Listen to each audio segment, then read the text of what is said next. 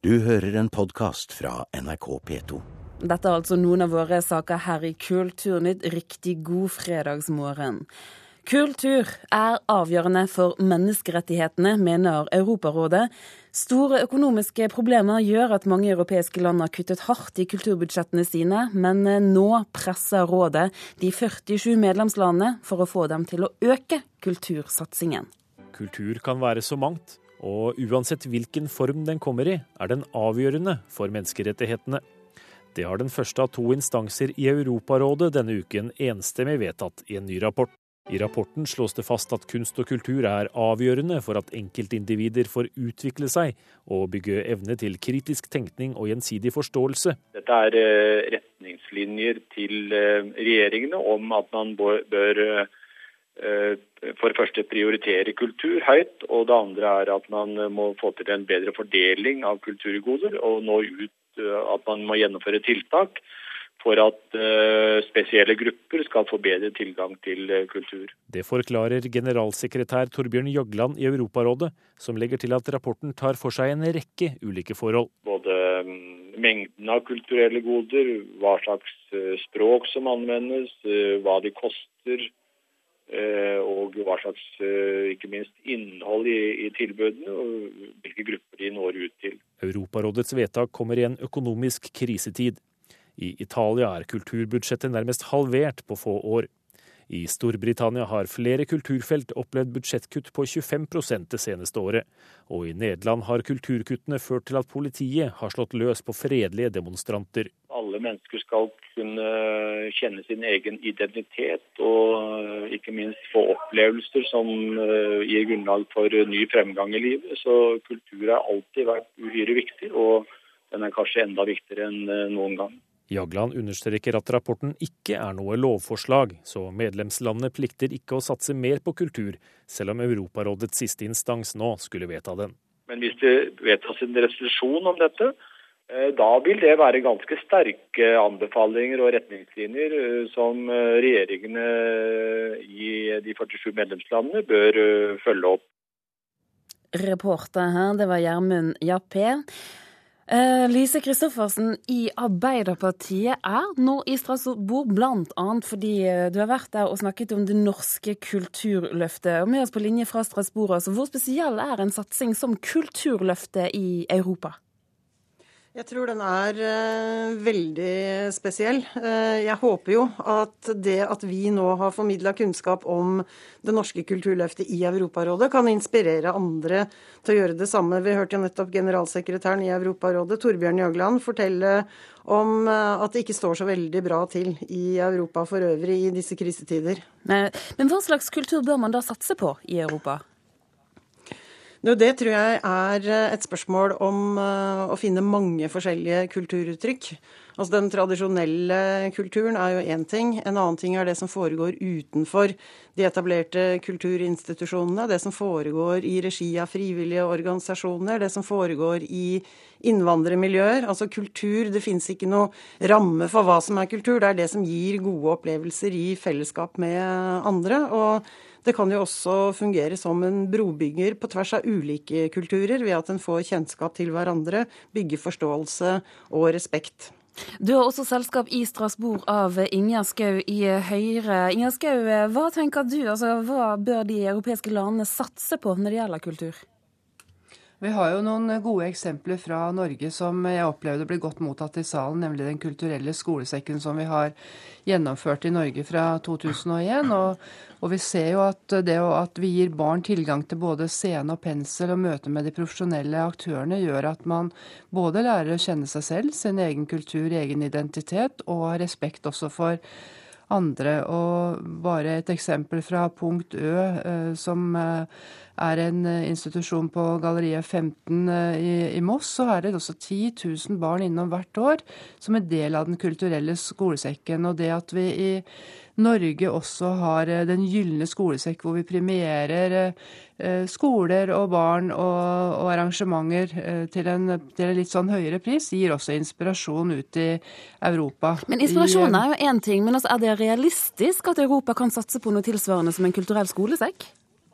Jeg tror at uh, Faren nå er jo i en økonomisk krisetid at man faktisk får en nedbygging av det som er uh, den profesjonelle kulturen. Samtidig så vet vi at i krisetider så er det ingenting som vokser mer og som gir mer samkvem, liv til samfunnet, enn det å få kulturuttrykk uh, og kulturaktiviteter frem. Folk samler seg, og det å ha Eh, noen, noen, eh, inspirasjoner å løfte frem at man faktisk begynner med barn og unge som et grunnlag for en gjensidig, forståelse og som grunnlag for, for også et, eh, et, mellomfolkelig samkvem som gir grunnlag for, for også fred og, og, frihet og minner om disse menneskerettighetene, tror jeg er, er, viktig. Og jeg tror at i nedgangstider så er det nettopp kulturen som, som binder mer enn noen gang. Men Lise Christoffersen, hvor sannsynlig tror du det er at de satser på kultur i en økonomisk vanskelig tid?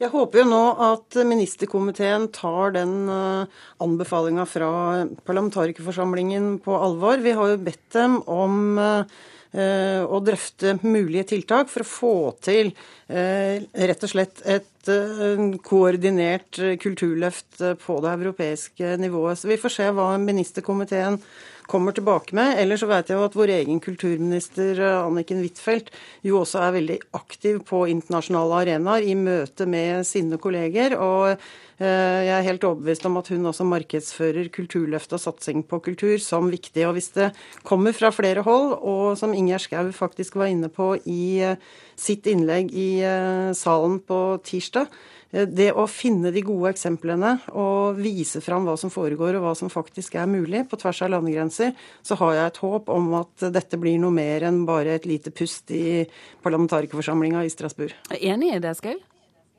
Ja, jeg er enig i det. Og vi har også Én ting er at vi tar det opp i Europarådet. Vi får en internasjonal oppmerksomhet om det i forhold til 47 land som er medlemmer i i eh, Europarådet. I tillegg så har vi også gode samtidskunstinstitusjoner som, som rekker ut over det norske land. og Hvilke som er da, for eksempel?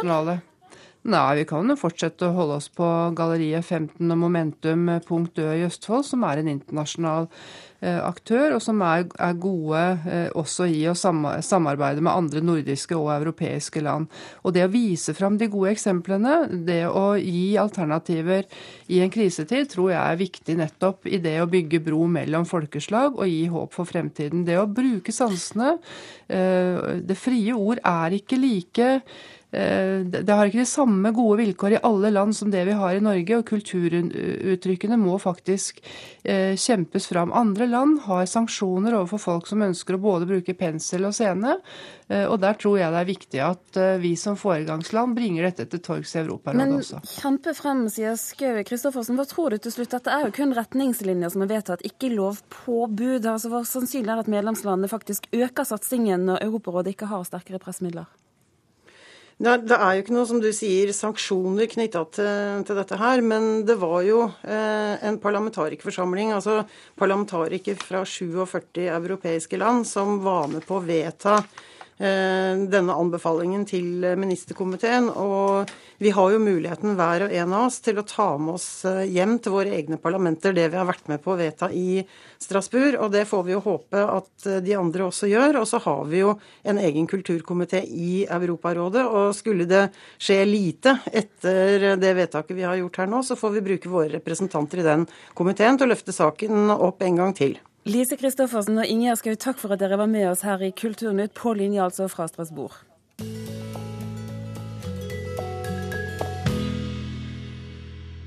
Vi skal hjem igjen til eh, SV på Vestlandet og i Trøndelag, som er sinte over forslaget om å kutte både standpunktkarakterer og eksamen i norsk sidemål. Kunnskapsminister og SV-leder Kristin Halvorsen er åpen for endringer, og mener norskfaget har blitt for omfattende.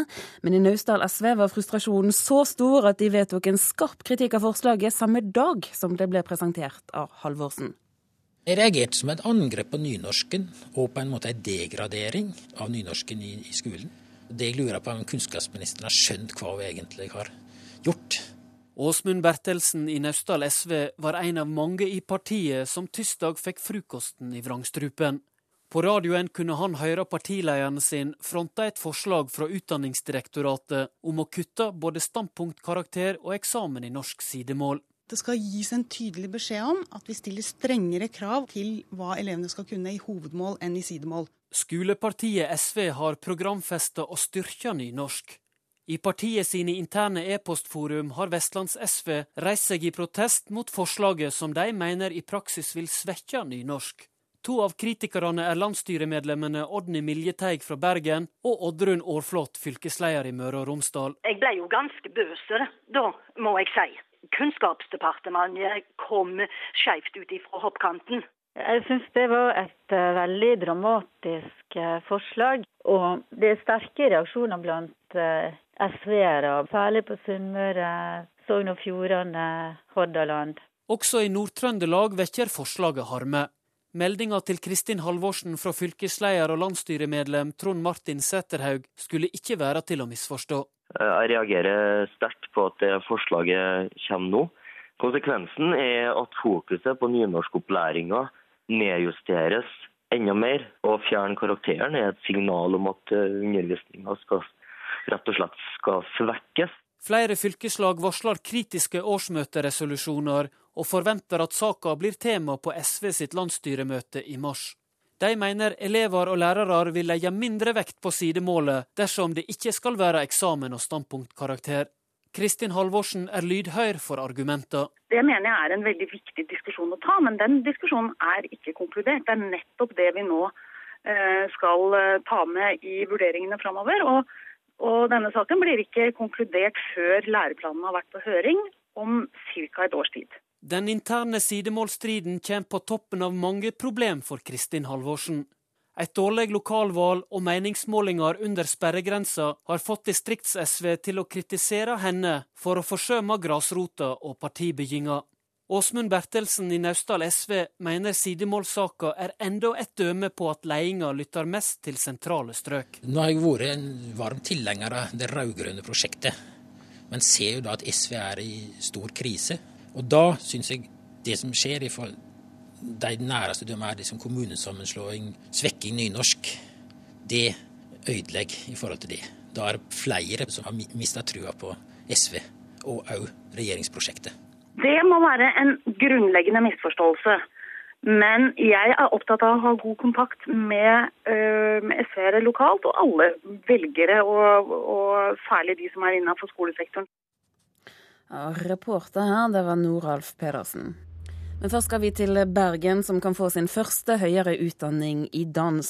Høgskolen i Bergen skal nå utrede mulighetene for et slikt tilbud, og årsaken er behovet for lærere med solid kunstfaglig kompetanse.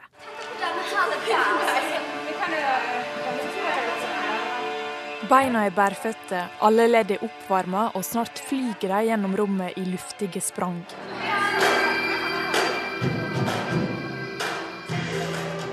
Det er time i moderne dans på Langhaugen videregående skole i Bergen. Eh, nå har vi vel omtrent 19 timer med dans. Tror jeg. det er lett å gå i surr når en har så mange dansetimer som tredjeklassingene Sara Røisland Torsvik, Britt Helen Grindheim og Karoline Risnes. Vi er ikke vant til å sitte i ro kjempelenge. Det er liksom noen timer, og så er det å danse. og det er vi veldig glad for. Snart skal de søke seg videre til høyere utdanning. Jeg vil gjerne prøve meg først som danser, men jeg, eh, målet er jo å undervise til slutt. Om danseelevene vil studere i sin egen region, finnes det få muligheter. Universitetet i Stavanger tilbyr studium med fokus på utøvende dans. I Bergen har privatskolen Bordar et ettårig yrkesforberedende studium. Ellers finnes det ingenting. Dans inngår i lærerutdanningsfag som kroppsøving og i musikk og vi er også i dramautdanning der dans inngår. Og vi er jo veldig interessert i å styrke dansemiljøet, sånn at vi får best mulig lærere ut av dette her. Da. Magne Eide Møster er programansvarlig for grunnskolelærerutdanninga ved Høgskolen i Bergen. De vil utdanne lærere som kan undervise i dans i bl.a. grunnskole og kulturskole. Det er jo sånn at Vi har fått en ny grunnskolelærerutdanning nå. I denne grunnskolelærerutdanninga så er det veldig liten plass til slike fag som dans og drama. Fordi at dette er jo ikke fag som, som står som egne fag i Kunnskapsløftet. Og Dermed så kan de bare egentlig ha 30 styrepoeng i lærerutdanninga. Og vi tenker at det er litt for lite, fordi at uh, vi trenger gode lærere hvis vi først skal ha lærere. Og da må vi iallfall ha en årsregning i, i dans. Derfor har Høgskolen søkt om midler fra Bergen kommune og Hordaland fylkeskommune til et forprosjekt for å se på mulighetene for etablering av en slik utdanning. Ronny Skaar er seksjonslærer for kulturavdelinga i fylkeskommunen. Altså vi eh, Fra fylkeskommunens side syns det er interessant at høyskolen eh, tenker i denne retningen. Det er behov for danselærere i kulturskoler og eh, videre. Det er også behov for folk som har denne kompetansen, dansekompetansen, som er utøvende, og kanskje kunne gå videre innenfor det pedagogiske.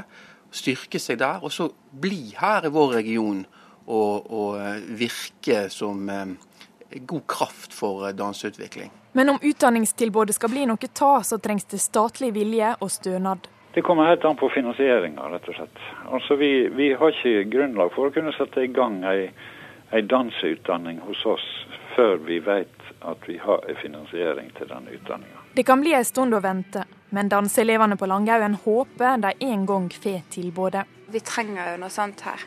For vi har jo ikke så mye andre sånne utdannelser.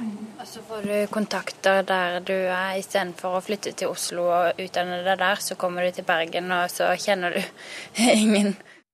Ja, det sa danseelever ved Langhaugen videregående skole. Reporter det var Rebekka Nedregotten Strand.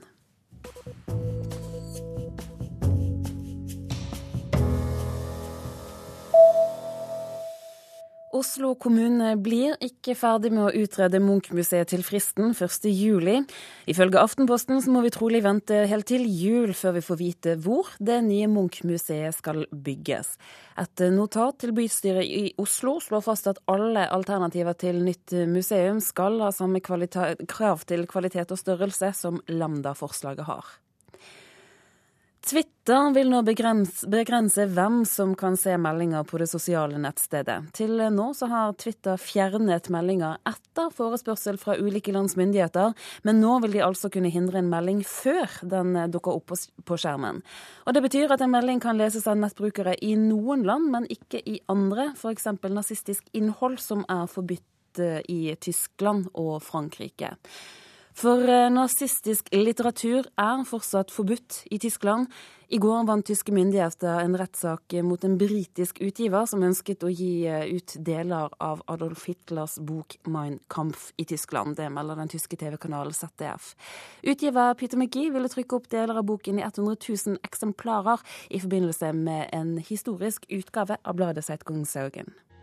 Nå, nå fortsetter Nyhetsmorgen. Kulturnytt er over. Vidar Sem, Hanne Lunås og Turi Grønbæk sier takk for følget så langt. Du har hørt en podkast fra NRK P2.